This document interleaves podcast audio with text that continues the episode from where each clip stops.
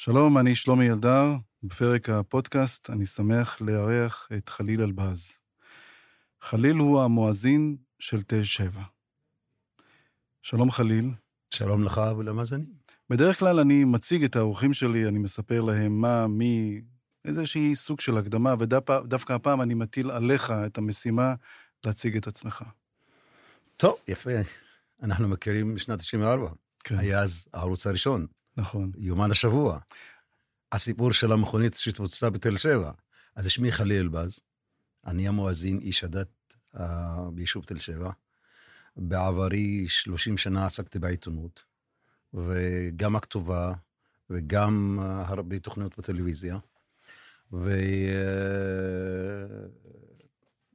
uh, עתה זה מה שנקרא המעטפת שלי. אני הייתי נשוי לסנה, מדליקת משואה, ואנחנו בטח נתייחס לזה אחר כך. אנחנו נגיע לזה. אה, שהיא... אבל אולי תגיד רגע, לפני שנתחיל, למה אתה חושב שהזמנתי אותך? תראה, הימים האלה ימים משוגעים. הזמן הזה הזמן משוגע. המדינה הזאת וכל המזרח התיכון שלנו משוגע, הוא השתגע, הוא ירד מהפסים. וטבעי מאוד שאחרי 20 שנה, אחרי אז שהייתה טלטלה בתל שבע בכל הנגב, ואתה היית שם, ושוב נפגשים. אז מיד מתחילים.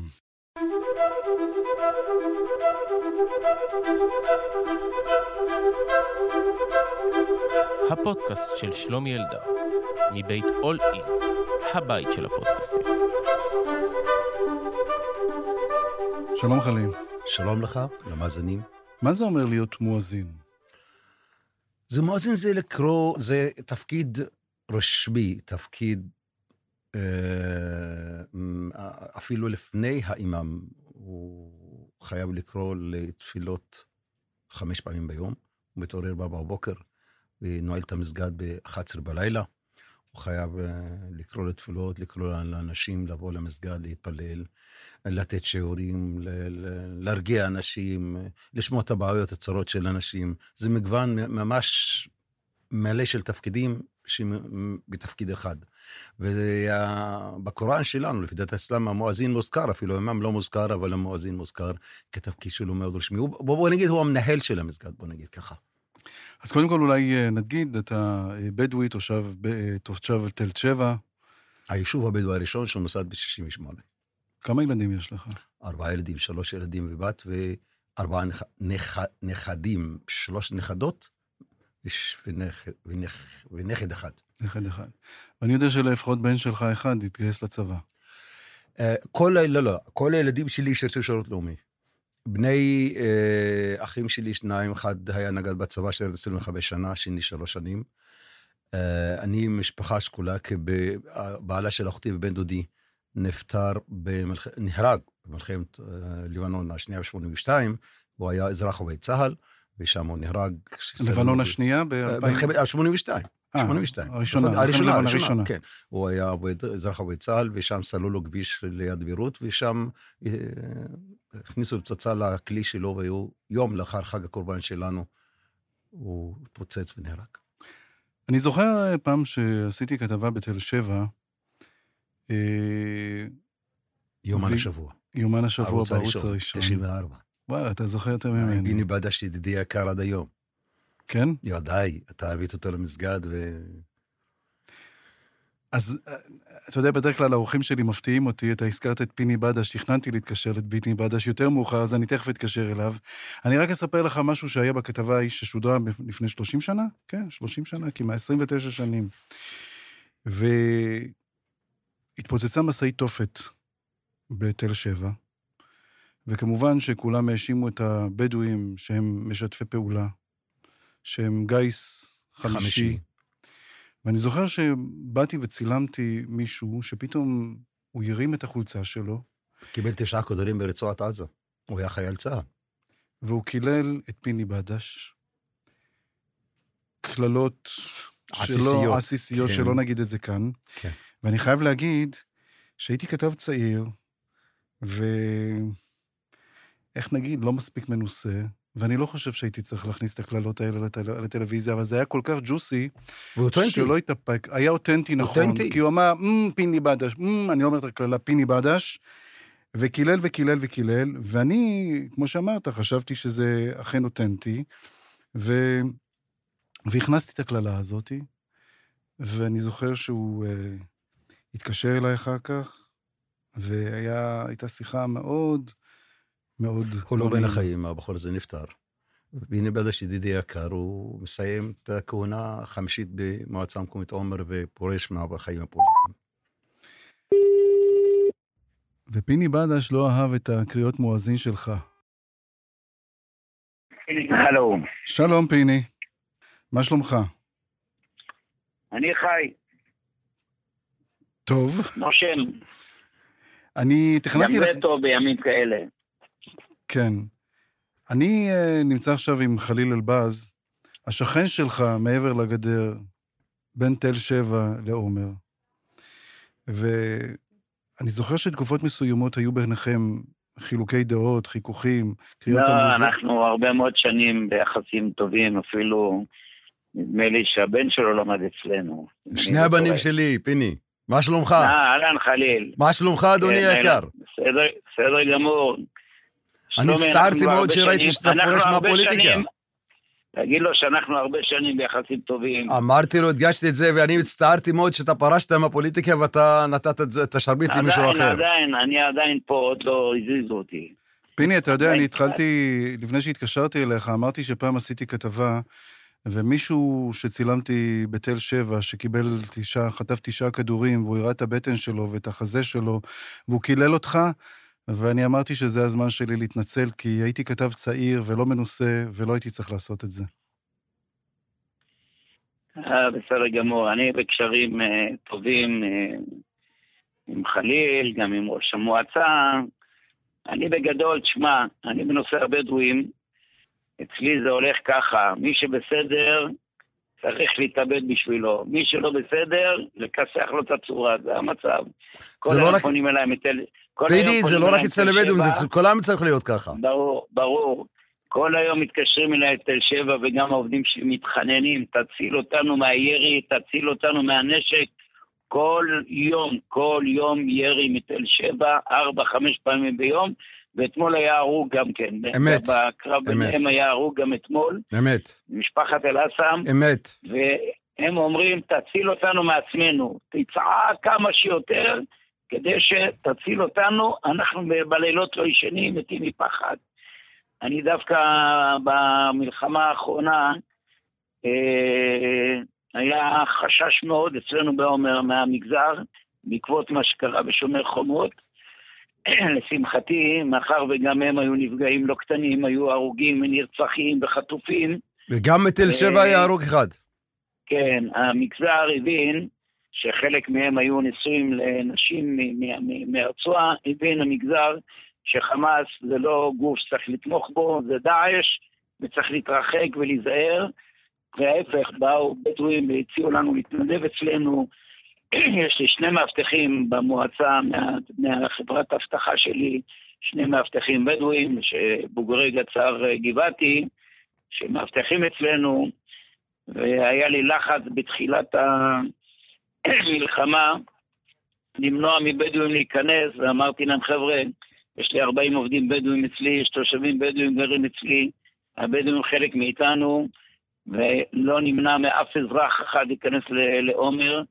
ועם כל הלחץ שהיה של התושבים, אנחנו לא מונעים, אנחנו מרגישים אה, אה, בקטע הנה, הזה שותפות, כן. ואפילו הגיע לכך שראש מועצה בדואי התקשר אליי ואומר לי, בדש, כנראה שאחרי המלחמה הזו, הבדואים יהיו כמו הדרוזים במדינה, אמרתי לו אינשאללה, נראה מה- איך זה יתפתח.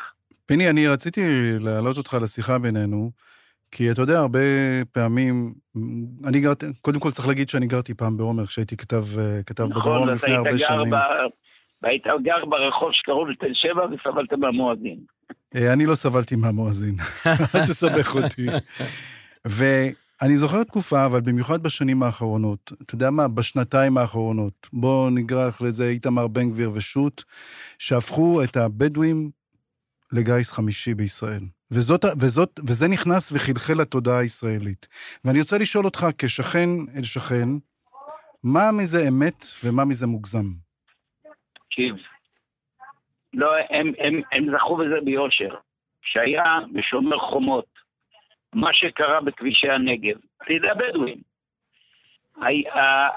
הוונדליזם, הלינצ'ים שעשו על הכבישים, ההרס שעשו על הכבישים, הפגיעה בכבישים, הירי על...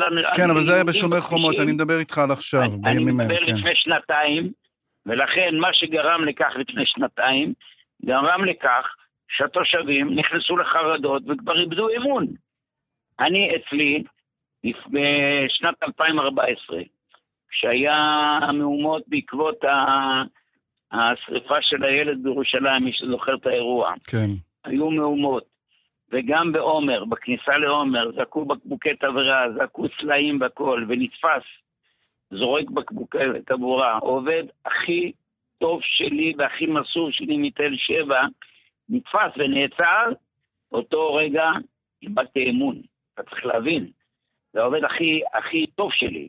כן. הוא היחידי שטיפל לי באוטו וכל הדברים האלה. אני איבדתי אמון באותו רגע. אמרתי, כן. לא יכול להיות. אם העובד הכי טוב שלי זרק עלינו בלילה בקבוקי תבערה, למי אני אאמין? כן, רק אה, נגיד... חומות, רק נגיד... ובא שומר כן. חומות, ובא שומר חומות, והעצים את הבעיה הזו.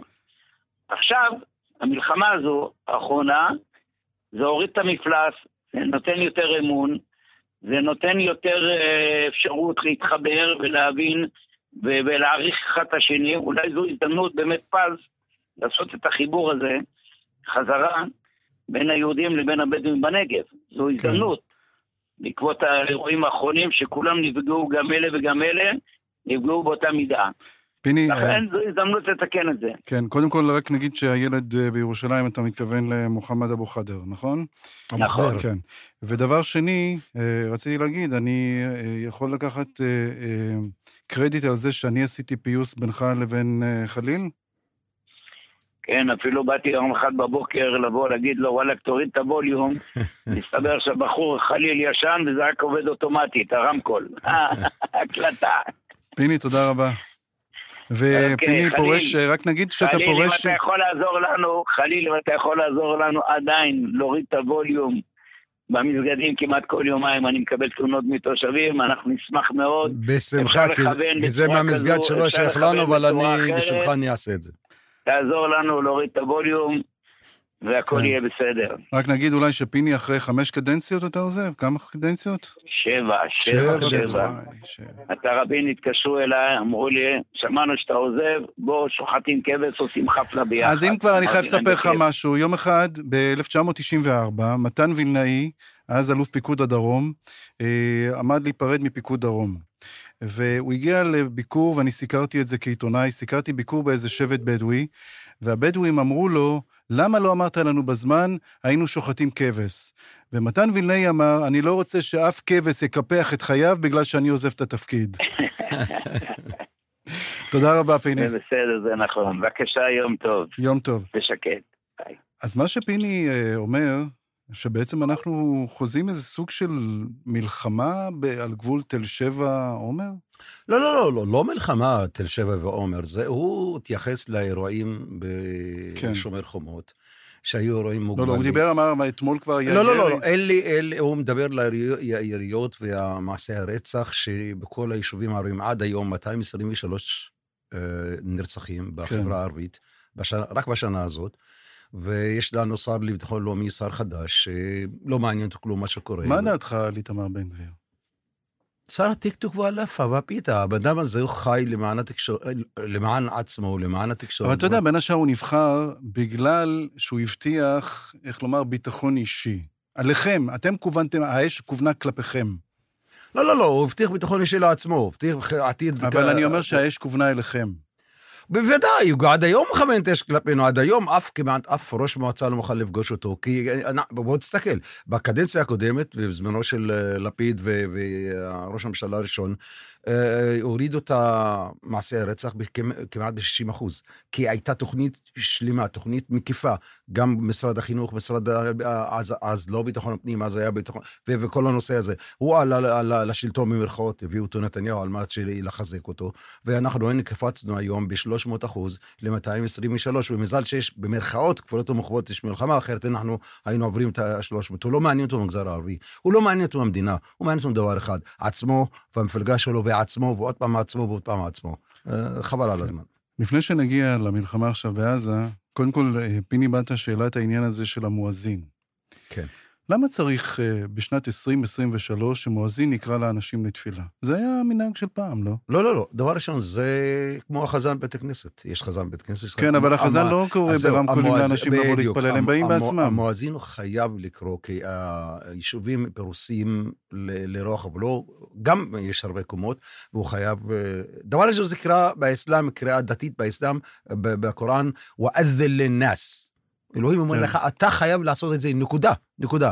ודבר שני, אה, יש מספר מסגדים, ואתה קורא לאנשי השכונות שיבואו להתפלל במסגד, ואנחנו, דרך אגב, כי אני כעובד משרד הפנים, אני דרך אגב עובד משרד הפנים, אני כן. עובד מדינה, אנחנו... שמואזין זה עובד, עובד מדינה. אני עובד כן, מדינה. כן. ומקבל כסף, מקבל משכורת ממשרד הדתות ומשרד הפנים. משרד הפנים. כן. עוד 450 איש כמוני, והם מפקחים והכול, עובד מדינה לכל דבר.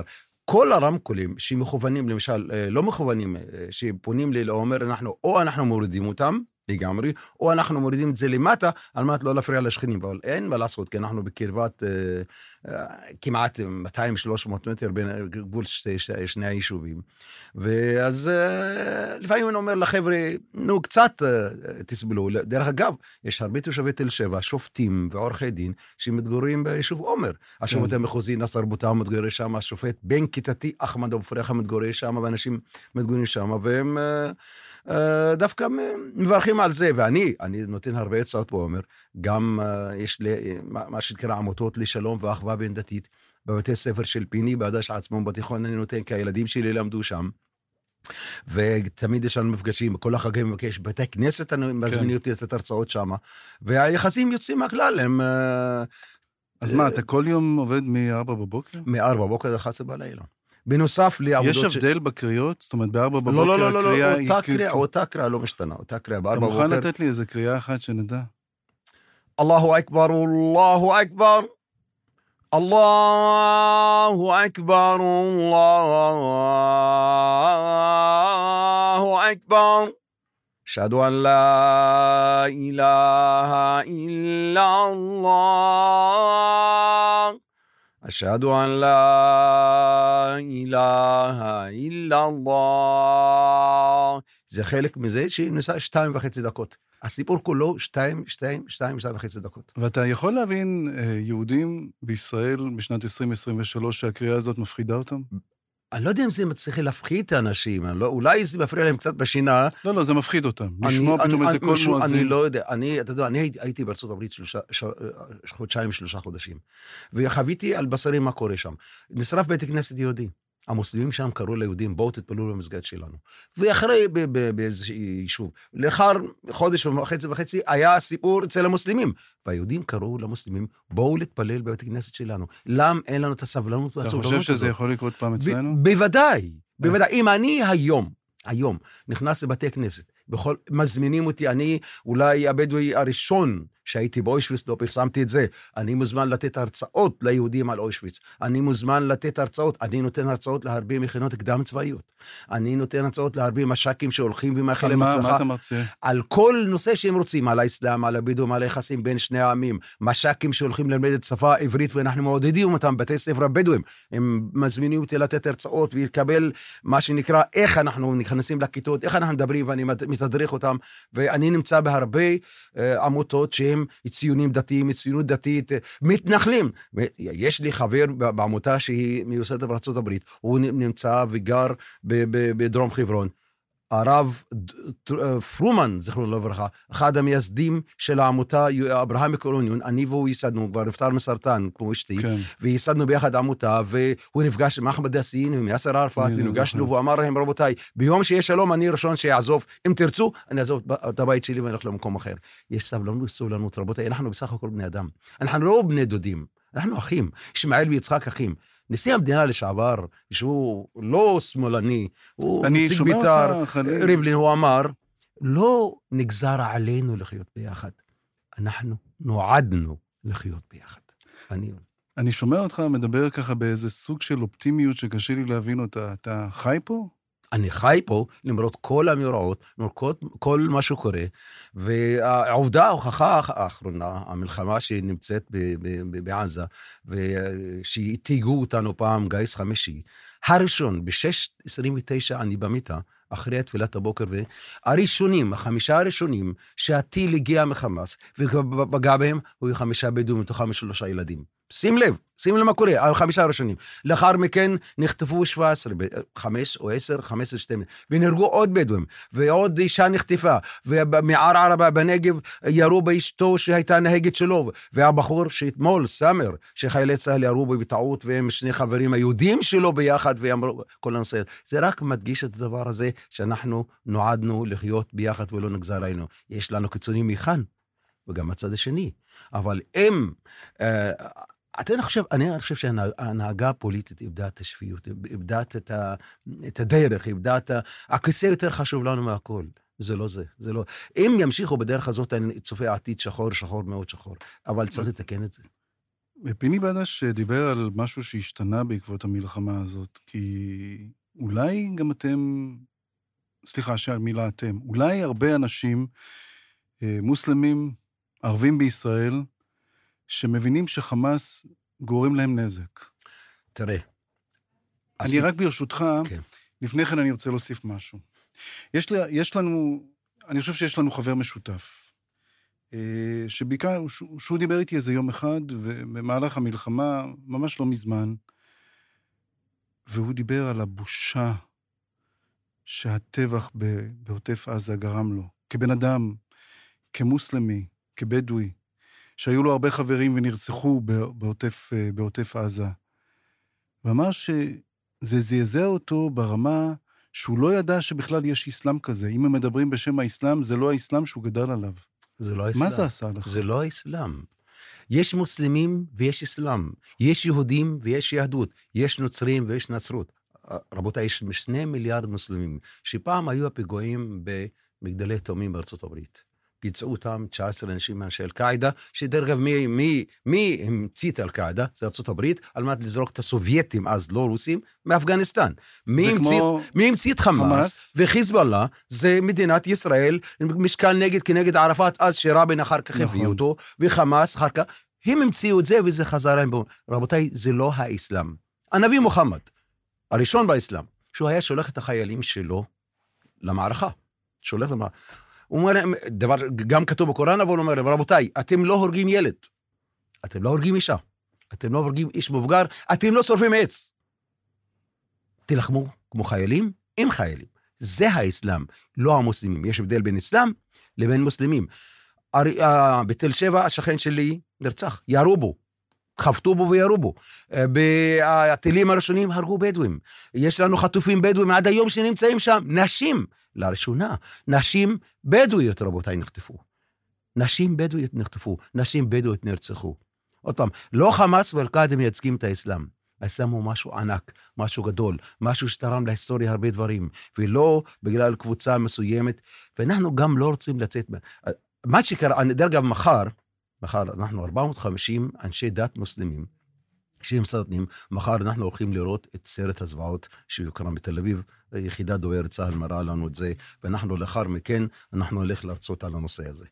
בזמנו אני הראשון שביקרתי באוישוויץ, וכשחזרתי לתל שבע, והתחלתי לתת הרצאות במסגדים שלנו, היו אנשים אז, בגלל הפרופגנדה, שהטו לספק אם יש בכלל את השואה.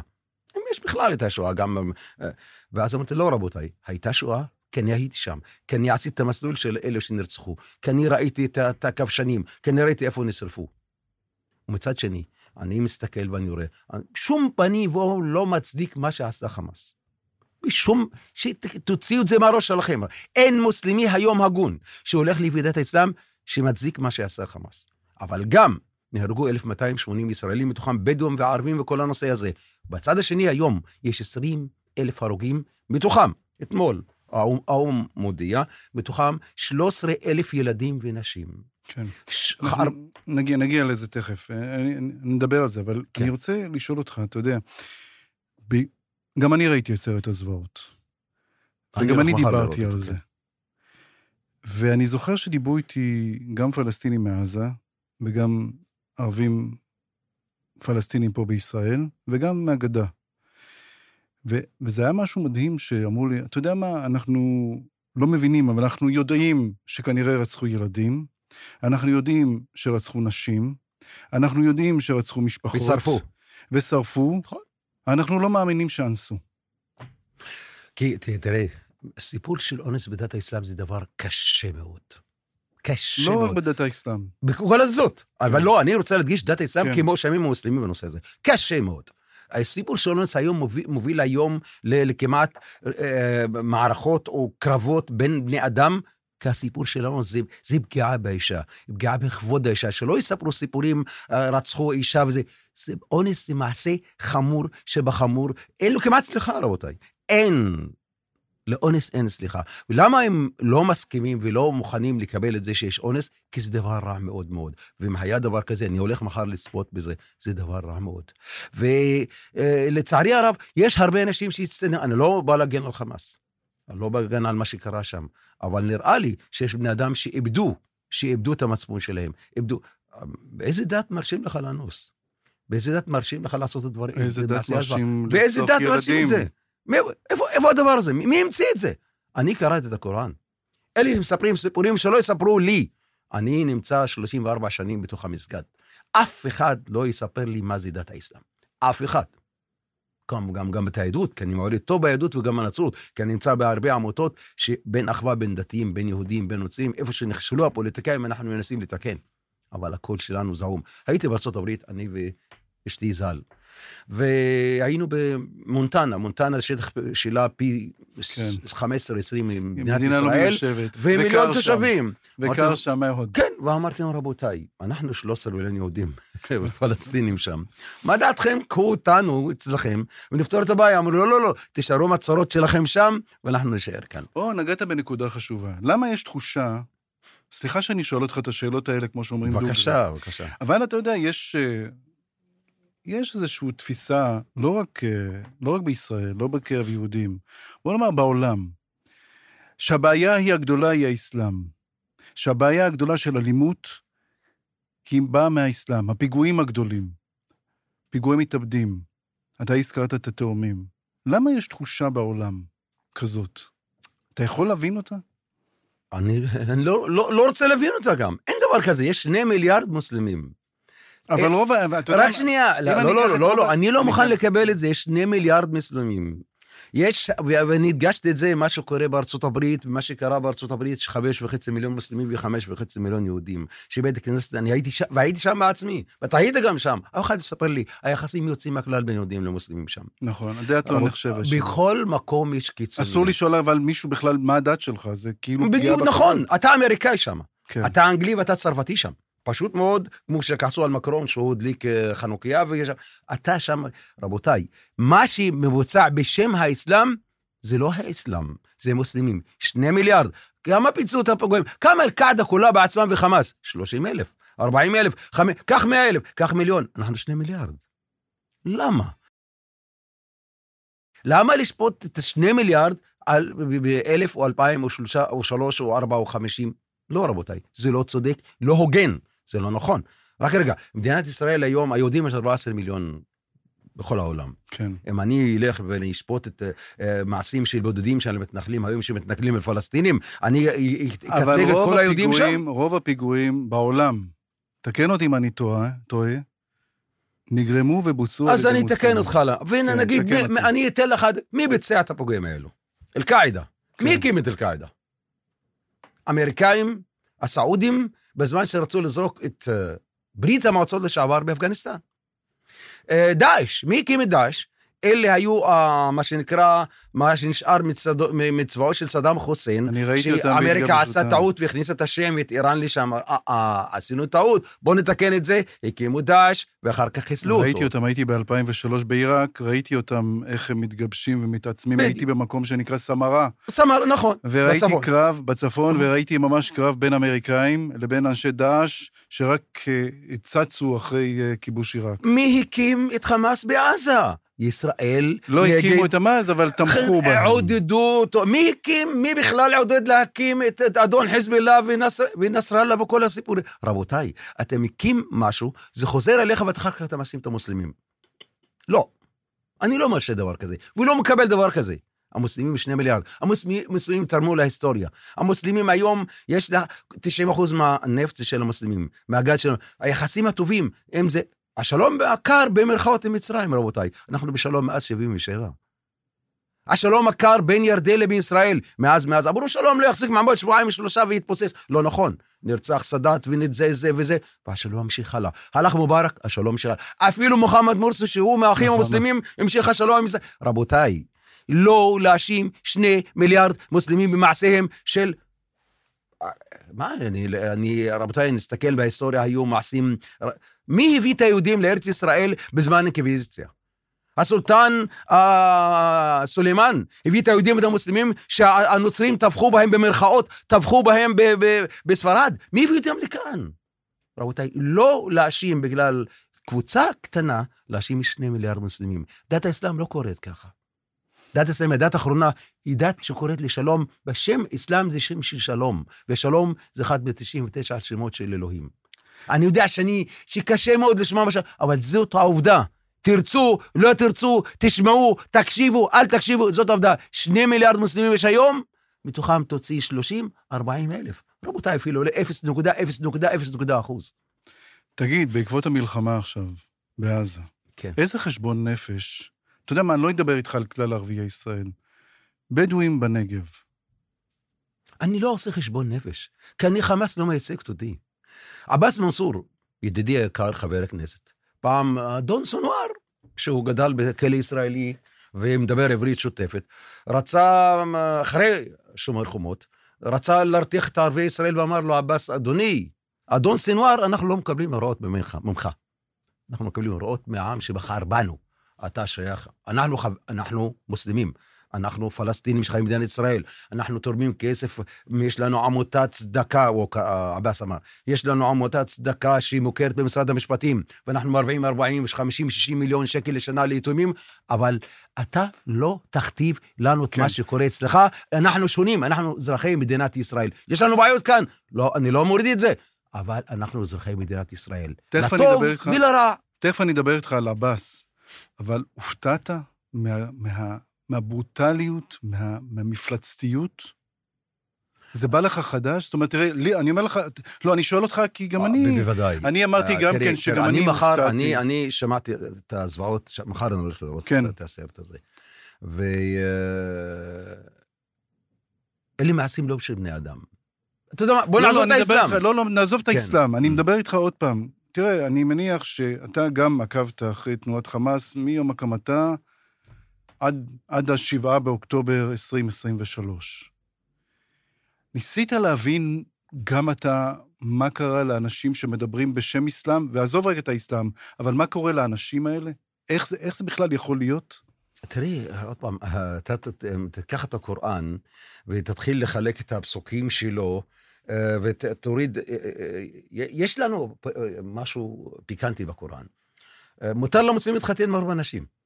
העולם כולו יודע, ארבע נשים זה לא דבר לא הוגן. כתוב בקוראן שצריך לתחתן. אבל לא, תקרא את כל הפסוק בקוראן, ותראה אלוהים איך הוא מגביל אותך לאישה אחת. איך? אומר לך, דבר ראשון, הם אין, דבר ראשון, אתה חייב להשוות, דבר ראשון, איך יצא הסיפור של נשים להתחתן עם עוד אישה?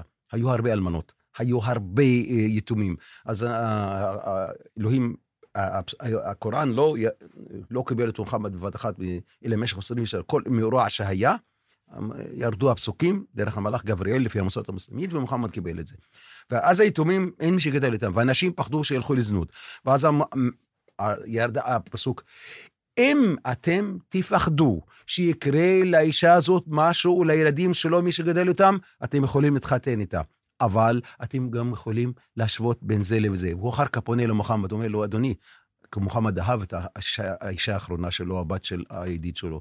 אתה לא, אף פעם, אין בתוך הלב שלך שוויון בין נשים, אז אל תעשה. אין חפתום אללה תעדלו פבוואחדה. אם תפחדו שלא תשוו, אחת. מספיק אחת. נקודה. אז אם מקבלים את זה כאילו בכתוב, לא, לא, לא, יש תנאים, צריך לבצע את התנאים, ולא ככה חופשי חופשי צריך לעשות את הדבר הזה. מה. גם דרך היהודים, גם אצל היהודים היו פעם מתחתנים עם שתי נשים. נכון. אה, שינו את זה, חוקי- המדינה שינו את זה. אני- כי גם הנסיבות האלה היו אצל היהדות. אבל אני טועה אם אני אגיד שלרוב הבדואים שאני מכיר, לא- בעצם לא לרובם, יש יותר מאישה אחת. הדור הקודם היו הרבה, היום הדור הצעיר הוא מתפטר מהאישה השנייה, הראשונה והשנייה הוא רוצה לצ- בלי, בלי אישה גם כן. לא, זה לפי הצחוק. כן. לא, הדור הצעיר, תראה, היא לומדת, הוא לומד. אפילו, אפילו להביא ילדים היום, אתה מסתכל אה, בסטנגרמה בעשר שנים האחרונות, אה, אה, הבן לומד, הבת לומדת, הבעל לומד, הבן... זאת אומרת, הם, החיים שלנו השתנו, ואז גם צריך לבנות בית, ואתה נמצא ביישובי קבע, וכל הסיפור הזה, הדור הצעיר כמעט אין לו, אין לו שתי נשים. אין, מעט מאוד היום, מעט מאוד יש שתי נשים. למרות שהאסלאם נותן את זה. לא פחד מחוקי מדינת ישראל, לא. כי פשוט מאוד זה קשה גם מבחינה כלכלית, קשה גם מבחינה אה, רגשית, קשה, הרבה דברים. פעם נעשה, עשו את זה, אה, אה, הסברתי לך את הסיבות, אבל היום כמעט, במרכאות כפולות, לא קיים הדבר הזה. כמעט. לך הייתה אישה אחת. הייתה אישה אחת. ספר לנו עליה. היא שותפה שלי בדרך מ-87 שהתחתנו, והיא קרובת משפחה. והתחתנו חתונה, זאת אומרת, כאילו, הכרנו, לא אהבה, היא, היא, כאילו, היא בת משפחה שלי. והתחתנו, התחתנו, ויש לנו ארבעה ילדים, ואני תמכתי בה כל הזמן. ובהמשך הדרך היא אה, אה, נהייתה המנהלת מעון הראשונה במגזר הבדואי ובכלל בישראל כאן. והיא זכתה דרך חברת המתנ"סים להיות המצטיינת ביותר, וב-2008 היא הצטיינה כלל המדינה, ובזה קיבלה את הכבוד להדליק אה, משואה בהר הרצל ב-2008. בעקבות המשואה הזאת הדליקו את הבית שלנו, את, הרחוב, את הרכב שלנו, אבל אה, רגע, אל תעבור על זה ככה כל כך מהר. הציתו לכם את הבית בעקבות זה שהיא... הדליקה משואה. למה? ואני אמרתי, ואני שאלתי, ואני אמרתי ל... ל... במרכאות, לש... היו הרבה תגובות, גם לכאן וגם לכאן. ואני זוכר, ישבתי אני ואחד מסגני ראש המועצה, שכבר הוא לא נמצא כאן, הוא כבר לא בין החיים. הוא אמר, חליל, למה לא שאלת אותנו שלפני שהסכמת שאשתך תדליק? אמרתי, דבר שלא הסכמתי, זה הסכמה בין שנינו. לא אני הבוס שלה, זה הסכמה בין שנינו. ואז היה חבר שלנו, יהודי אחד, מהמשטרה, אמר לו, מוסא, סליחה, אני... אמר לו, קרא בשמו, אם הייתה הבת שלך מדליקה את המשואה, היית, היית שמח והיית שוחט 39 כבשים. אבל אולי שחליל ואשתו, משפחה יותר קטנה מהמשפחה שלך, מרוב קנאה, אתה לא עשית את זה. שנה לא הדליקה משואה בגלל שהיא הייתה משת"פית, לא בגלל שהיא לא יודע מה. הדליקה משואה כי היא נתנה חינוך לילדי הבדואים. הייתה מנהלת המעון הר- הראשונה בישראל, מעון יום ראשון רב-תכליתי, גם לאלה שיש- שבבתים הרוסים, סמים וזה, והיא עבדה כמעט משמונה בבוקר עד שש-שבע בערב. היא קיבלה את זה בזכות. קיבלה את זה בזכות. כן. ו... זה, זה ברור. אבל שרפו לכם את הבית ואת הרכב, כי חשבו שעצם העובדה שהיא מדליקה משואה, אתם משתפי פעולה? אה, במ- במילים כפולות ומכופלות, לא משתפי פעולה, אלא זה, לא מצא חן בעיניהם. מי, גם... מי האנשים האלה? בוא... אה, ארבעה בחורים צעירים שהסיתו אותם. חלק בני רגע. אתה יודע מי הם? אני ודאי, בוודאי, הם כולם היו בצוהר. כולם אה, אחרי שבוע, שבועיים, חשפו אותם, ו... וראית אותם? הלכת וראיתי למשפט? אותם, דיברתי עם אחד מהם, בן משפחה, ואני... בן משפחה בן שלך? משפחה, ואמרתי לשופט, אני רוצה לו- שתוציא אותו החוצה. הוא אומר, למה חליל? איך אתה עושה? אמרתי, אני רוצה לשקם אותו. אני... הבחור הזה הטעו אותו, הוא היה בן 17, 16, 15, אתה יודע מה, 15. הטעו אותו. מה הוא אמר לך, ילד? הילד הילד הזה אחר. כך בכה. אחר כך בכה. הוא אומר, הכניסו לי את זה- את השטות הזאת לראש. מי הכניס לו לראש? יש הרבה, לא, לא חסר אנשים שעשו את הדבר הזה, ששירתו את ה, במרכאות את האג'נדה שלהם. מהי. האג'נדה? האג'נדה שלהם שחלק מהם אה, אז אה, הוסט מ- מעבר ל... ל, אפילו לא מפלסטין, מהפלסטין. אה, היה, הייתה תחנת MBC, התחנה הזאת הייתה תוכנית כן. של נשים שקצת הסיתו נגד הזה, הרי התפרסמה בכל העולם המוסלמי והערבי. היו אנשים שתמכו, היו אנשים שלא תמכו. אנשים לא הבינו את הקונטקסט שהדלקת משואה. היית ב... כל שנה, כל שנה ה- ישראל מדליק, נותנת כבוד ל-12 אנשים להדליק משואה ביום העצמאות שלה. השנה הזאת הייתה מכוונת לחינוך, החינוך הבדואי, החינוך כאן, והיא שנה ז"ל הדליקה משואה בעקבות מה שהיא הצליחה לחנך את הבדואים, את בני משפחתה, את בני השבט שלה, את בני היישוב שלה, את בני הנגב שלה. לא בגלל דבר אחר. היית בהר הרצל שהדליקה הייתי? בהר הרצל, ולחלוכית של דמעות, אני והילדים שלי היו, היו בעיניים שלי, שהיא עמדה שם והדליקה משואה. ושהיא נפטרה, ו... טוב, ניכנס אחר כך. הייתה שותפת דרך, זה לא רק זה, אלא לאחר מכן אני והיא ת- אה, היינו בעמותה, בהרבה עמותות, ונסענו לארצות הברית, לאנגליה, לגרמניה, לספרד, כל המקומות האלה, והיא דיברה לשלום, והיא אה, נתנה הרצאות ליהודים כן. לשלום. יש כאלו שלא הסכימו איתנו, אבל יש כאלו שכן כן הסכימו איתנו. עדיין אני רוצה לשאול אותך, היית בהר הרצל, שהכל זה סממנים יהודים. יהודים. אמת. אמת. אני לא אסתיר שמדינת ישראל קיפחה את העם הפלסטיני. העם הפלסטיני זה אנחנו. היום כאילו, אה, אצל חלק מהיהודים... אה, גם גינוי- הבדואים מגדירים עצמם פלסטינים? בוודאי, בוודאי. הרי יש יהודים היום במרכאות שאומרים, אנחנו פלסטינים. הרי קראו לפני, בזמן המנדט, יש לאבא שלי, ז"ל, דרכון. דרכון, פספורט, אבא שלי נולד ב-1905 לפני מלחמת העולם הראשונה. כתוב בו פלסטין, ארץ ישראל, פלסטיין באנגלית. והוא דרכון בריטי. שלושת ה... והוא כן. נשא את זה כל החיים שלו, וזה אצלי נמצא עכשיו אצלי. והסממנים בהר הרצל, כשאתה ישבת וראית את אשתך מדליקה משואה, הם סממנים יהודיים. סממנים יהודיים וסממנים גם וכשמנגנים ישראלים. את התקווה, מה אתה מרגיש? עוד פעם, שתבין, אם אני אגיד, ואני אגיד, רבותיי, אני מזדהה, התקווה, כמו ששומע את הבילאדי בילאדי של מצרים, והוא שומע את זה, אלה הס- הסיפורים של המוזיקה, לא אצלי ברגע שלא נותנים, אני אוהב דחיה. דחיה זה מוזיקה בדואית מזרחית, את זה אני אוהב, ותמיד זה ברכב שלי, אומרים כולם, מה אתה חלי, אתה דתי אבל. לא, אני אוהב את הדבר הזה. זה נכון שבהר הרצל סימ- סימנים, אבל אה, הר הרצל במדינת ישראל כיבדה את אשתי, כיבדה צנע, היא כיבדה את הבדואים. כיבדה צנע על המעשים שלה, לא כשנא כזנה, אלא מה היא? למה, למה היא קיבלה את הפרס? בגלל שהיא שירתה את העם, את העם שלה. באה מדינת ישראל ביום החשוב שלה, החשוב ביותר לזה יום העצמאות, כיבדה צנע. תגיד להם, לא. לא. יש כאלה מהצד השני, או, אתה, אתה כיבדת את מדינת... ר- רבותיי, אתה, או אתה תחיה במדינה הזאת, תחפש לך מדינה אחרת. אם אני מחר נוסע לארה"ב, אני אמריקאי, אם אני נוסע לצרפת, אני לא אומר שאי, הבדואים לא סובלים מישראל. הערבים לא סובלים מישראל. הבדואים, חיילים בדואים היום חוזרים לבתים שלהם והורסים להם את הבתים. הב- היישובים הבדואים היום זה, זה, זה פשוט מאוד, כל היישובים המוכרים והלא מוכרים הם אכסניות של שינה. אנחנו רואים במלחמה הזאת שהטילים מתפוצצים, אין לנו מיגוניות אפילו. זה צריך לתקן וצריך לעשות. זה בדיוק השאלה שרציתי לשאול. אותך. אתה אומר שמדינת ישראל כיבדה את צנע, השאלה אם מדינת ישראל מכבדת את הבדואים. לצערי הרב לא. לצערי הרב לא. אולי עכשיו, בגלל שהבדואים מתחיל... לא, אתה יודע מה, בוא, בוא, לפני שאני אגיע לבדואים, אני רוצה להסתכל לך, ידידיי הדרוזים. הדרוזים הם גיוס חובה לצבא. אותם בעיות שיש לבדואים היום לדרוזים. חוק קמיניץ פוגע בדרוזים בדיוק כמו שהוא פוגע בבדואים. באפליה בין לתת רישיונות לבנייה בדרוזים וכל בדואים. אבל הדרוזים האלה משרתים את המדינה. והם משרתים אפילו יותר, הבדואים משרתים מרצון, הדרוזים חובה. צריך לתקן גם לדרוזים, גם לבדואים, גם לערבים. מדינה, מנהיגי של מדינה צריך לבוא לאוכלוסייה, לקרב את האוכלוסייה ולא להרחיק אותה. לא לשים לי שרים שהם אה, רק עושים קרע במדינה הזאת. אתה מזכיר לי... ריבלין, אני חייב להגיד, ריבלין אמר, נשיא המדינה, שהוא לא היה שמאלן. הוא מביתר, הוא מהליכוד, הוא מהימין. לא נגזר עלינו לחיות כאן. שים לב על מנת נגזר, אנחנו נועדנו לחיות כאן. אנחנו שנינו בני אה, ישמעאל ויצחק, אברהם. האדמה הזאת שייכת לשנינו.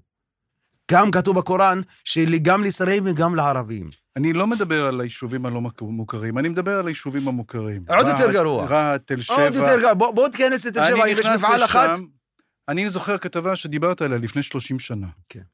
המעבר בין עומר לתל שבע. 500 מטר. 500 מטר. גן עדן שם ושם, למה? גן עדן שם ושם מה? ושם גיהנום. כי אין לנו תקציבים, אין לנו כלום, אין לנו אזור תעשייה, אה, כלום, כלום, כלום. למה? למה? אז איך אתה יכול רוצה- להגיד, אז איך איך אתה אתה יכול רוצה להגיד ש- אה, זהו, איך זה אתה צד- יכול להגיד לי חליל שמדינת ישראל כיבדה את אשתך?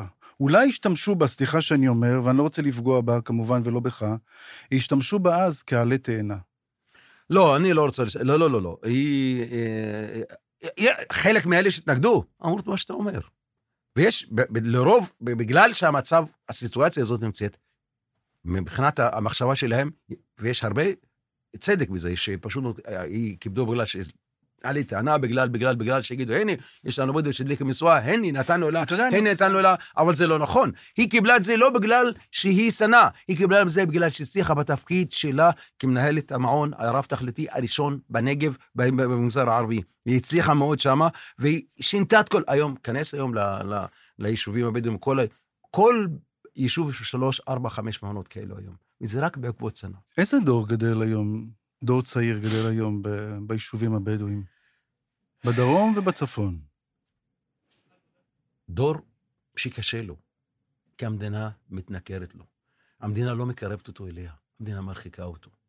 המדינה במקום שתבוא לבדואים, גם בצפון וגם בדרום, גם לדרוזים, דרך אגב, גם לכולם, להגיד, רבותיי, אתם אזרחי מדינת ישראל, אנחנו נאפשר לכם בנייה, אנחנו... תראה לי מדינת ישראל איפה בנתה שכונה ביישוב בדואי. לא קרה. איפה בנתה שכונה ביישוב דרוזי? לא קרה. איפה בנתה שכונה ביישוב ערבי? לא קרה. הם הערבים רוכשים אדמות ובונים. אני, אבא שלי, היו לו 360 דונם אדמות, לקחו אותם, נתנו לנו 4,000 שקל לדונם, אז זה לא ככה, רבותיי. אלה אזרחי מדינת ישראל שהיו מימים. סבא שלי קבור בבית הקברות בבאר שבע, בעיר באר שבע, ליד הקיניון, אם אתה מכיר את באר שבע. אביו קבור שמה, הם היו תושבי העיר באר שבע. אנחנו כאן, אנחנו במרכאות מלח הארץ. נכון. ו- אתה ואין מגדיר- מקום בעולם שאומר ששמים איך- תמיד, שמים את השירות הצבאי לפני... לא, רבותיי. אם אתה הולך לארה"ב, לאמריקה... חליל, אתה לק- מרגיש שאתה מלך הארץ? אני מרגיש שאני... בוודאי. אתה פטריוט בוודאי. ישראלי? בוודאי, אני פטריוט איך ישראלי אתה יכול להיות פלסטיני. פטריוט ישראלי כשאתה מדבר על עצמך כמלך הארץ, ומדינת ישראל מקפחת אותך? איך זה משתלב ביחד? זה לא משתלב ביחד. אז איך אתה לא ממשיך משתלב- להגדיר את אני- עצמך פטריוט כי ישראלי? אני לא מתייאש. אם אני אתייאש, אוי ואבוי, אם אני אתייאש, צריך לקחת את עצמי הולך לעשות... הייתי... כמה בר- כמוך יש? הרבה. הייתי בארצות הברית חודשיים. לא, בוא נדבר על ישראל, לא ארצות כן. הברית. כמה כמוך יש בישראל? הרבה. הרבה, אבל המדינה לא מקרבת אותם. המדינה לא... המדינה... המדינה, למשל, אני איש דת מוסלמי. והמדינה, במקום לחזק אותי, משרדי, במקום לחזק אותי, המשטרה, במקום לחזק, יש לנו היום פורום מתל שבע של המשטרה, עם המ"מים ועם אנשי הדת, שאנחנו מבקשים לשבת כל שבוע, שבועיים, כל חודש, ולדון איפה אנחנו מתקנים, איפה אנחנו אה, מדברים עם אנשים, איפה אנחנו עושים את הדברים הטובים והלא טובים, איך אנחנו...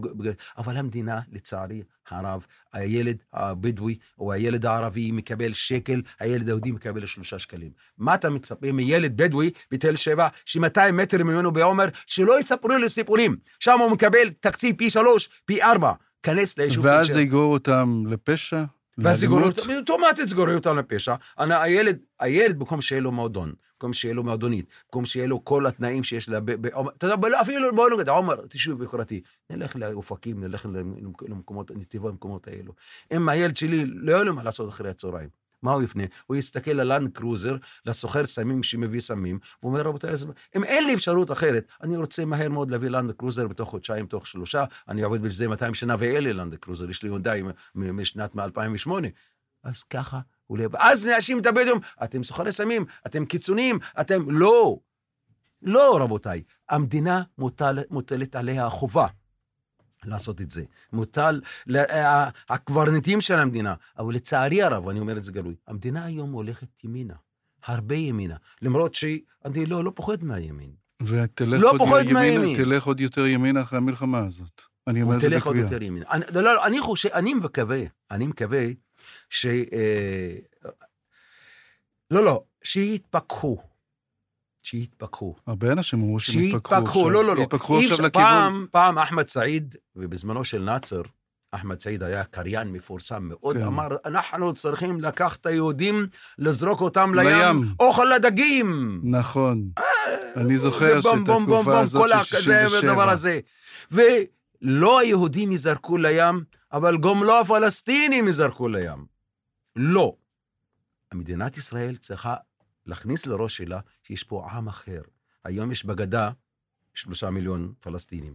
יש ברצועת עזה שני מיליון פלסטינים. יש בתוך ישראל שני מיליון פלסטינים. יש, יש חמישה וחצי, שש מיליון יהודים, שווה בשווה. רבותיי, לאן נלך אם לא המדינה, הרי צריך לחנך. כשאתה מחנך, כשאתה נוטע עץ היום, כן. אתה משקה אותו, נותן לו את כל הטיפול והעץ גודל בטוב. אם אתה עוזב אותו, העץ הזה לא יניב פרי, יניב פרי אה, עם, עם, עם אה, פרי מר ולא תאכל אותו. כן. אבל אם תיתן לו את כל הטיפול, הוא ייתן פרי טוב. בדיוק צריך אנחנו- להתייחס לתושבי ישראל הערבים הפלסטינים ככה. בדיוק אנחנו- ככה בשוויון. אנחנו גלשנו לפה כשדיברנו על סאנה, ודיברנו על זה שאמרת שנתנו לה כבוד, ודיברנו על קיפוח. אבל בואו בוא נסיים רגע. אשתך סאנה נפטרה לפני שנה ממחלה. בשנת 21 היו לי שלוש מאורעות שקראתי לזה עם של ה- השנה- שנת האבל שלי. בחמישי לשלישי 21 יצאתי מהמסגד, נעלתי את המסגד, זו פעם ראשונה אתה שמאמין עכשיו, ובחוץ התנפלו עליי שני צעירים, אחד שם אקדח בראש שלי, והשני דקר אותי שבע דקירות. נורא בפנים, והמשטרה לא גילתה את זה עד היום, למרות שכל תל שבע יודעת מי עשה את זה. המשטרה, במרכאות, לא גילתה ואתה את זה. יודע? אני יודע, אני כבר יודע מי עשה את זה. שבועיים לאחר מכן, ולמה לא עשו כלום? כי הם כאלה אנשים עובדים איתה. פשוט מאוד. ש- עוד פעם, לא... אה, משת, מה שנקרא, מורדים להם תיק כאן, תיק זה, המשטרה לא גילתה, אנשים יודעים מי עשה. זו האשמה חמורה, מה שאתה אומר עכשיו. לצערי הרב כן. לצערי הרב כן. אז בוא נשאיר את זה לא, לא, חכה שנייה, לא. ושבועיים לאחר מכן אמי נפטרה מהקורונה, ועשרה חודשים לאחר מכן, בחמישי לשלישי בדיוק, אשתי נפטרה מסרטן שהייתה חולה שבע וחצי שנים. ואז זה, זה שנה קשה ביוד עברה עליי. ואז אה, יצאתי לארה"ב לחודשיים להתאוורר, לראות מה קורה בעולם ההוא שמה. אה, ישנתי בבתים של יהודים ונוצרים, ישנתי בבתים של מוסלמים, הייתי בניו יורק אצל אישה יהודייה ובעלה ה- מקולומביה, מ- אה, מקולומביה, כן, וראיתי את החיים האחרים, ואחר כך חזרתי לארץ להמשיך להתמודד עם הצרות והבעיות שלנו, כי קשה מאוד לעזוב את המדינה, מדינת הישראל, מדינת היהודים, מדינת המוסלמים, מדינת הפלסטינים, מדינת מה שאתה לא רוצה. קשה מאוד לעזוב כאן, אי אפשר. לא חשבת להישאר שם? אמרו לי בוא תשאר ארבעה חודשים, אחרי חודשיים נמאס לי ובאתי. באמת? כן. למה? לא יודע, אני אוהב את המקום הזה. לא פחות ממך, שלומי. לא פחות מפיני בדש ידידי. לא פחות מכל, אפילו לא פחות מבן גביר, לא פחות מאלו. אני נולדתי כאן, אבא שלי נולד כאן, הסבא שלי נולד כאן. אף אחד לא יעקור אותי מכאן, כמו שאני לא אעקור אנשים אחרים. ושהילד הפלסטיני, ערבי-ישראלי, שהוא רואה שבא עולה חדש מרוסיה ומקבל עכשיו תושבות, מקבל עכשיו תעודת זהות, והוא חי, סליחה על הביטוי, כמו זבל שם. מגוניות אין לנו. לא, לא מקלטים ביישובים הקבועים, לא מקלטים, והיישובים, יישובי הפזורה, שדרך אגב, הרבה מהיישובי הפזורה מתגייסים לצה"ל. החייל חוזר הביתה, הורסים לו את הבית. וידידי פיני גנון אחר כך הולך לגן ולצעוק ולצעוק, רבותיי, למה אתם עושים את הדבר הזה? איך אתם רוצים לגייס בדואים? איך אתם רוצים לעשות את זה שאתם עושים את הצד ה... איך אתם רוצים לגייס... אה, אה, ו- ויש לנו שר משטרה כזה, ושר אוצר כזה, ושר כזה, ושר מהמם. כזה, ושר כזה. זה פוליטיקה, זה דבר מסריח, אבל כחליל, אני, יש לי הרבה חברים יהודים, יש לי הרבה חברים פלסטינים, יש לי הרבה חברים בחברון, מכל המקומות האלה. יש לי ילדים ש... בחברון, שלושה ילדים, אני מכיר, שבן של ידידה שלי, שאומרים לי, דוד, אה, למה אנחנו חיים? אבא שלנו, הסבא שלנו נפטר תחת כיבוש. אז אביו נפטר תחת כיבוש. איזה תקווה מדינת ישראל, שכובשת אותנו שם, נותנת לנו? כן. איזה תקווה נותנת? איך, מה, מה אתה רוצה, איזה דור יצמח? אם מדינת לא תבוא לקראתנו, איזה דור יצמח? כוח אף פעם לא תהיה בעיות. אני רוצה רגע להשאיר רגע את כל הבעיות הגדולות האלה ולדבר קצת עליך. אתה יודע, אני זוכר אותך אחרת. מבחינת, כשאני שמן, מבחינת שומה, מבחינת מה, אני זוכר אותך, קודם כל צריך. להגיד שלא נפגשנו באמת 30 שנה. ואני צריך להגיד איך התפתחה השיחה הזאת. אתה התקשרת אליי לפני אה, שבועיים בערך. נכון? פתאום, אחרי הרבה שנים, ראית אותי בטלוויזיה והרמת לי טלפון, ואמרת לי שאתה שמח לראות אותי. וטוב שהזכרת את הדבר הזה, כי אני רוצה לדבר על הנושא הזה. רגע, אנחנו נגיע לזה שנייה. אני, בוער פשוט מאוד. אני יודע, וזאת. הייתה הסיבה שאמרתי לך, אתה יודע מה? בוא, יש לי פודקאסט, בוא נדבר. אבל לפני כן אני רוצה לדבר. אם הייתי רואה אותך ברחוב, לא הייתי מזהה אותך. היה לך פעם זקן, ושמן.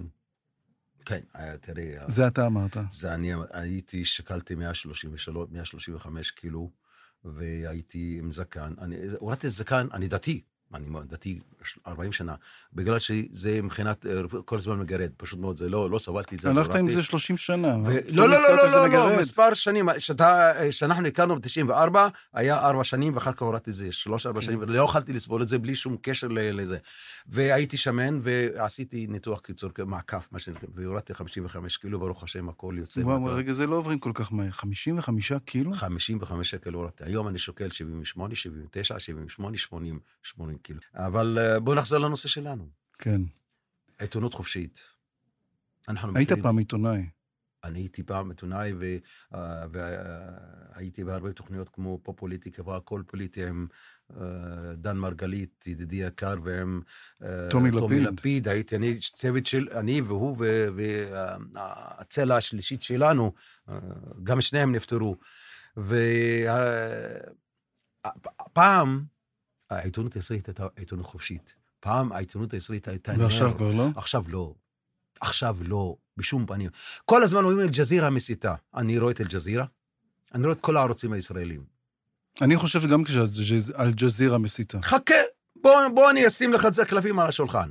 חליל אלבז, דובר עברית טובה, ערבית טובה. שהגדיר את. עצמו מלח הארץ ופטריוט. בדיוק. אני מסתכל על אל-ג'זירה כל יום, ערוץ 12, 13, 14 לא מתייחס אליו, כי הוא מדבר, זה, זה לא חי בעולם הזה. אז תעזוב, אני מדבר על 11, 13, 14. בשביל- אני רואה את אל- אל-ג'זירה יום-יום מקריאה את כל הסרטונים שצה"ל מפיץ.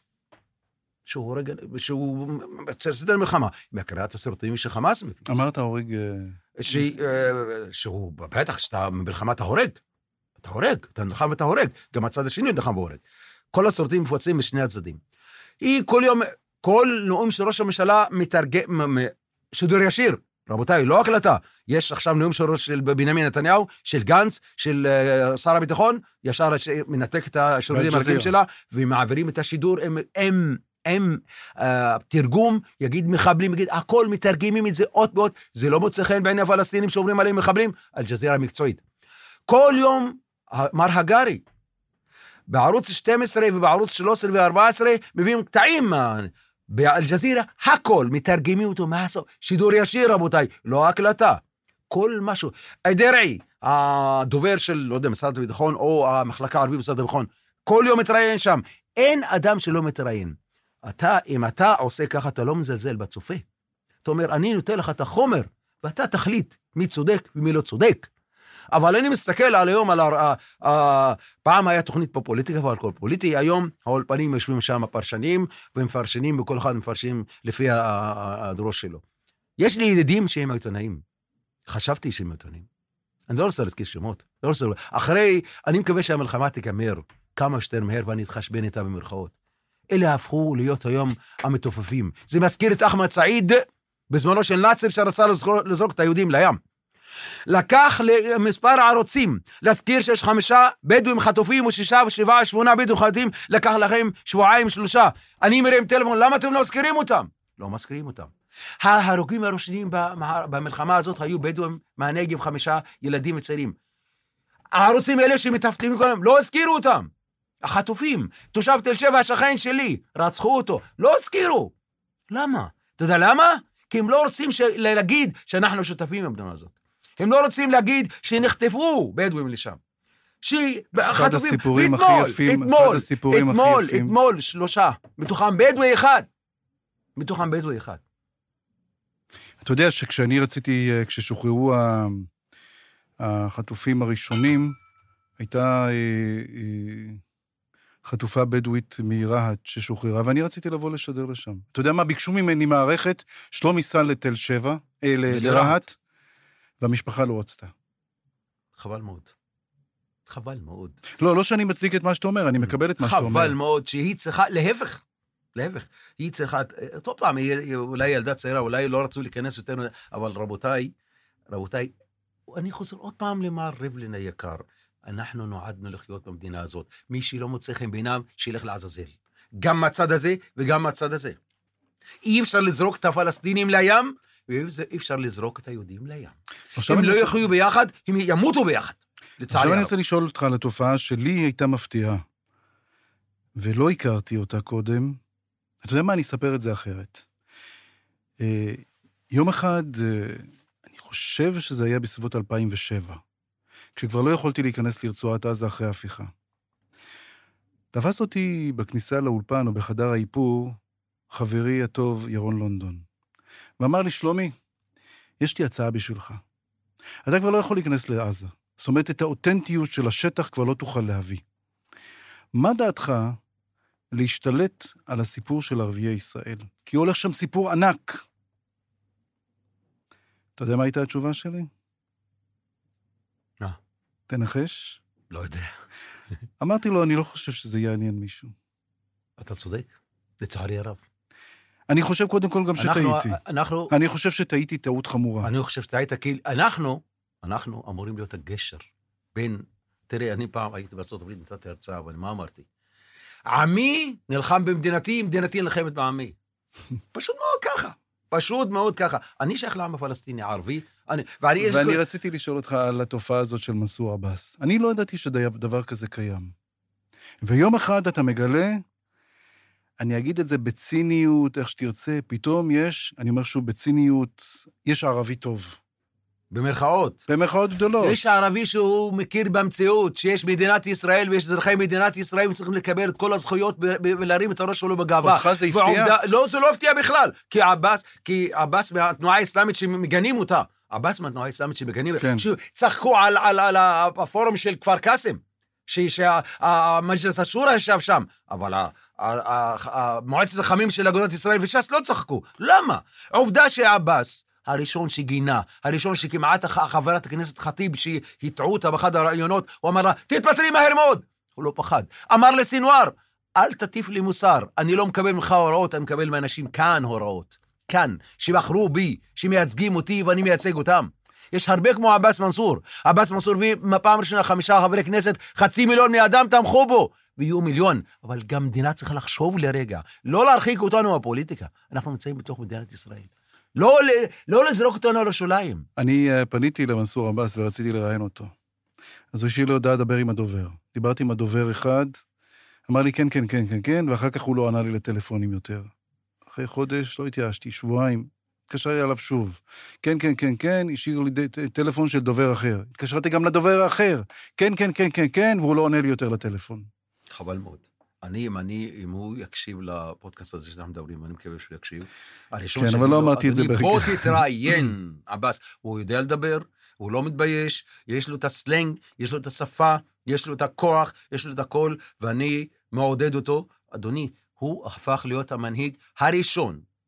שהוא באמת מבטא את העמדה חוש- של הערבים שרוצים להשתלב במדינה ואתה הזאת. חושב, אתה חושב ש... אה, אה, זה לא חברי מוצא חן בעיני כנסת- דרך חברי אגב. כנסת, חברי כנסת אה, ערבים אחרים, אה, איימן עודה, אחמד טיבי, גרמו נזק לחברה הערבית? עוד פעם, לא, לא, הם לא גרמו נזק. כי הם ייצגו לא, לא, יותר לא, את הם- הפלסטינים הם- יותר מאשר המדינה- אתכם? המדינה הזאת דחפה אותם תמיד לשוליים, והכריחה אותם לדבר איך שהם מדברים. למה הם לא דיברו כמו עבאס?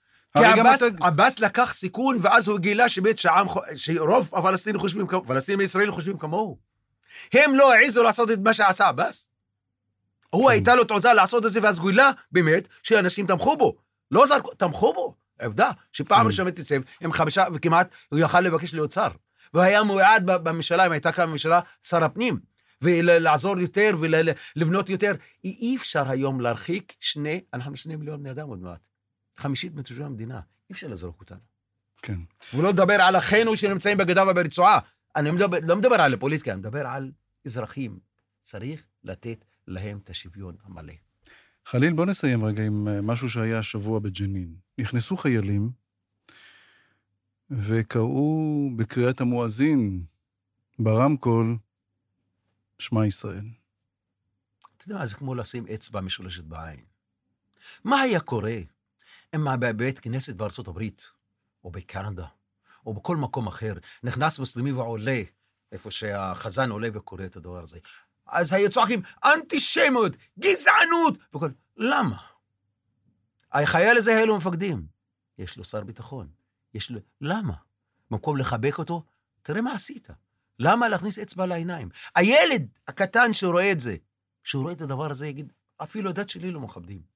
אפילו הדת שלי לא מכבדים. מה אתה מצפה ממנו שיעשה? יש פתגם בעברית, בכביש, אל תהיה צודק, תהיה חכם. למה? כי יבוא מטומטם אחד עם כל הצדק שלך ויפגע בך. מה יעזור לך הצדק שלך לאחר מכן? תהיה חכם. והמדינה הזאת, מנהיגיה, קברניטיה, צריכים להיות חכמים. כי אחרת, אם אתה לא חכם, ההיסטוריה תזרוק אותך לשוליים, לקיבינימט פשוט מאוד. ובואו נסיים עם התפקיד שלך כמואזין. אני, אני תפקיד שלי כמואזין, אבל אני, אני רוצה להגיד לך איפה אני קופחתי. וגם היום אני מקופח. אני קופחתי בעיתונות הישראלית. אני הייתי העיתונאי הבדואי הראשון.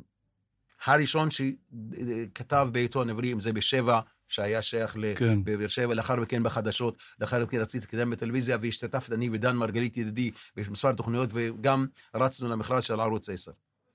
ואחר כך פסל אותי אחד הבמאים, אתה יודע מה? בגזענות, להגיש אחת, להיות שותף באחת התוכניות. אני מרגיש היום, בוא, בוא, ניתן לך דוגמה היום, אחד הערוצים. מוחמד מג'אד פרשן, בחור יוצא מהכלל, העלימו אותו. אמנון אברמוביץ', העלימו אותו. פורת נסאר, העלימו אותו. למה? אני לא יודע, אני לא... אתה לא, אני, דברים, אני עוקב... לא, לא, אתה אומר דברים שאני לא יכול לגונן עליהם. לא, לא, לא, אז אני מרשה לעצמי להגיד, אני עיתונאי ברוחי ובדמי. מה אתה אומר, שהעלימו אותם כי הציבור הישראלי לא יכול לראות יהודים, לא יכולים לראות את האנשים הערבים? אני רואה חדשות 11, 13, 12, 14, אני מסתכל מדי פעם לראות בדיוק מה המשוגעים עושים שם, ו-33 מכאן. אתה יודע, מכאן 33 היום דווקא uh, בערבית, אחד הערוצים הטובים יותר. מכאן 30... אתה רואה את הערוצים האלה? אני רואה את כל הערוצים האלו, העלימו את כל... אברמוביץ', גיבור ישראל, שנשרף בטנק במלחמת יום כיפור, העלימו אותו. פורת נסר הכתב בצפון, הכתב יוצא מהכלל, העלימו אותו. מוחמד מג'אד הפרשן הטוב, למה אדוני? אני לא יודע שאת מוחמד אה, מג'אד... העלימו, אני רואה יום יום, לא, העלימו אותו. למה? למה? אתה רוצה לשמוע רק דעה אחת? לך ל... תלמדו מאל-ג'זירה, רבותיי. תלמדו, אתם אומרים שהיא מסיתה, תגידו, תלמדו איך היא מביאה כל קול. אתה, היא לא מזלזלת בך כצופה. היא נותנת לך, אתה תחליט מי טוב ומי לא טוב. ובגלל זה היא מהנצפים יותר בעולם הערבי. לא כל רוב התחנות הערביות שמוחאות כפיים למלך ול, ולנשיא ולכל הזה. לא, זאת העיתונות. מה שקורה בישראל היום, לצער רב, אין עיתונות היום. הכל היום מתופפים היום, הכולם מתופפים למנהגה, לצערי הרב. וזה מה שקרה למדינות ערב ב-48, ב-67, בזמנו של נאצר והחברים שלו. זה מה שקורה היום במדינת ישראל. תתפכחו, רבותיי, תתפכחו. חליל אלבז, תודה שבאת אלינו. שמחתי מאוד לראות אותך אחרי 30 שנה. מאוד שמחתי. גם אני, אחרי כל כך הרבה שנים. תגיד, ובלילה, מה התפילה האחרונה שלך ב-11 בלילה? כן. והיא לא שונה. היא לא שונה? לא משתנה כלום. אנשים באים להתפלל ב-11 בלילה? בוודאי. התפילה הראשונה בבוקר, ב-4 בבוקר, הכי הרבה באים, ובלילה הכי הרבה באים. תתפלא, לא באמצע, כי אנשים עובדים, עושים את זה, לא חייבים. אז אולי נסיים בעוד קריאה לתפילה אחת אחרונה של הלילה. שהיא אותו דבר, אתה אומר. אללהו אכבר, אללהו אכבר. אללהו אכבר, אללהו אכבר. ואני כעסתי מאוד שהם מציגים את זה, אללהו אכבר, שכאילו זה קריאה לרצח. רבותיי, היהודים מאמינים בזה, אלוהים הוא גדול, גדול ממני, ממך, מכולם. למה צריך לשים זה בקונטקט של רצח? אלוהים גדול. אנחנו, אנחנו קוראים אלוהים גדול. גם היהודים קוראים אלוהים גדול, גם הנוצרים קוראים. כל אחד קורא אלוהים גדול בשפה שלו. למה? חליל בז, תודה רבה. שמחתי. תודה לך ולמאזינים וכל מי שיקשיב לנו.